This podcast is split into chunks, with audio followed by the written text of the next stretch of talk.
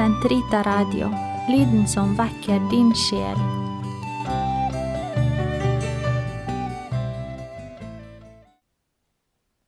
Den katolske kirkes katekisme, uke 14, søndag, paragraf 2659 til 2669.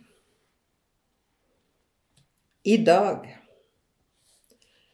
Vi lærer å be på visse tidspunkter når vi lytter til Herrens ord og tar del i Hans påskemysterium.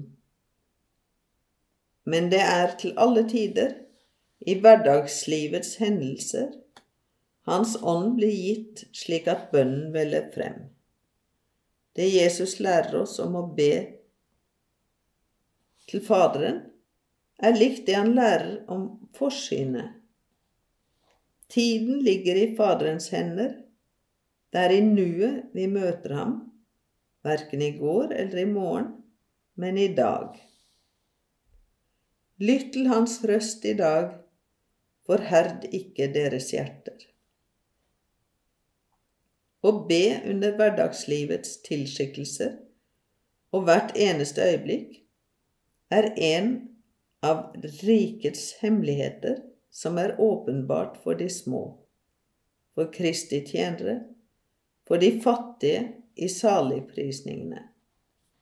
Det er verdig og rett å be om at rettferdighetens rike og fredsrikets komme må innvirke på historiens gang, men like viktig er det å kna de alminnelige hverdags, hverdagssituasjoners deig ved hjelp av bønn.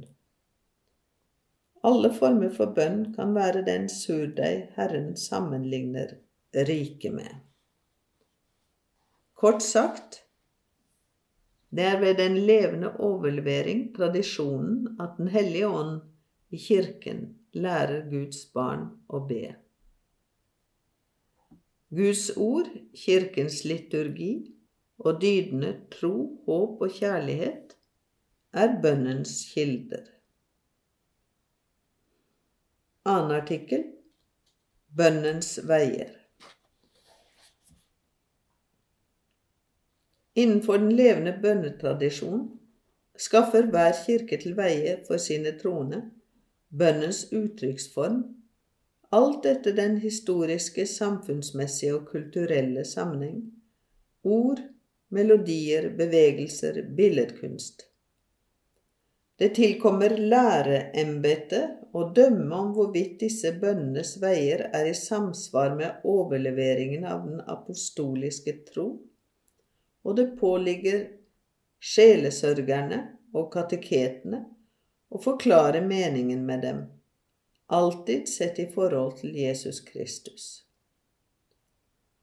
Bønn til Faderen Det finnes ingen annen vei for den kristne bønn enn Kristus. Enten vår bønn skjer i fellesskap eller individuelt, enten den uttrykkes i ord eller er ordløs, gir den bare adgang til Faderen dersom vi ber i Jesu navn.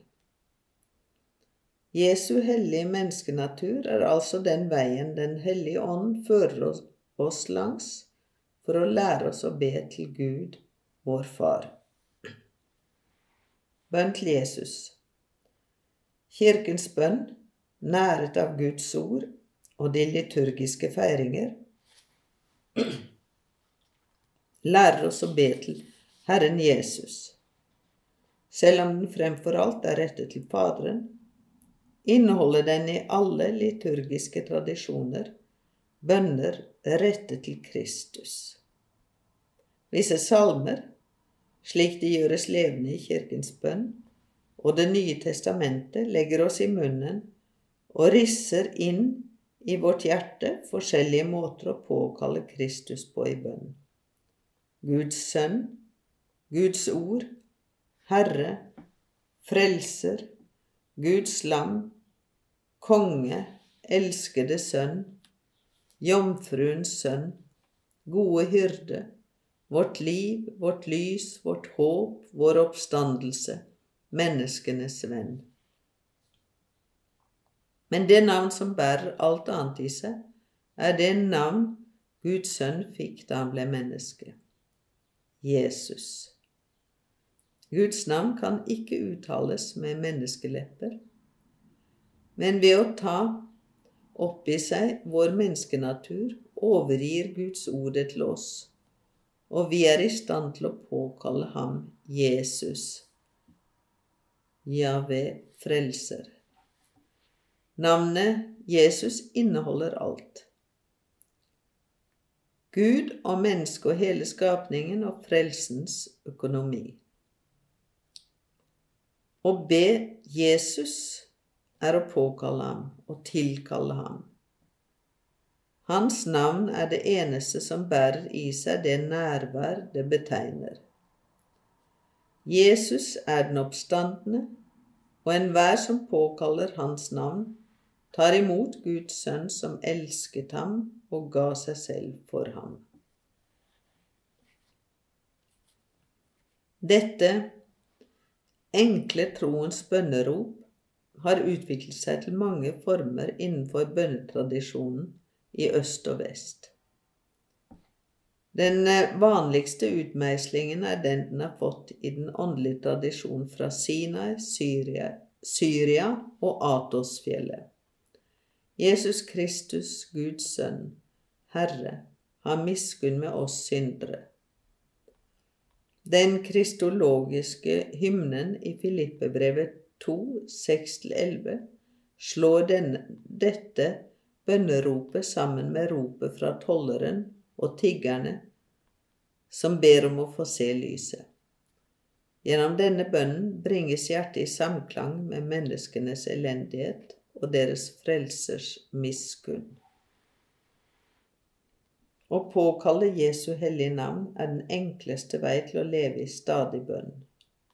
Når det stadig gjentas av et årvåkent og ydmykt hjerte, fortaper man seg ikke i en mengde ord, men holder fast ved budskapet og bærer frukt ved sin utholdenhet. En slik bønn er mulig til enhver tid, for den er ikke en beskjeftigelse ved siden av andre, men den ene beskjeftigelse som består i å elske Gud, og som besjeler og forvandler hver handling i Kristus Jesus. Kirkens bønn ærer og dyrker Jesu hjerte på samme måte som den påkaller Hans høyhellige navn. Den tilber det inkarnerte ord og Hans hjerte, som av kjærlighet til menneskene, lot seg gjennombore av våre synder. Den kristne bønn elsker å gå korsveien i etterfølgelse av Frelseren de forskjellige stasjoner fra pretoriet til Golgata og til graven markerer taktslagene i Jesu vandringsgang, han som forløste verden ved sitt hellige kors.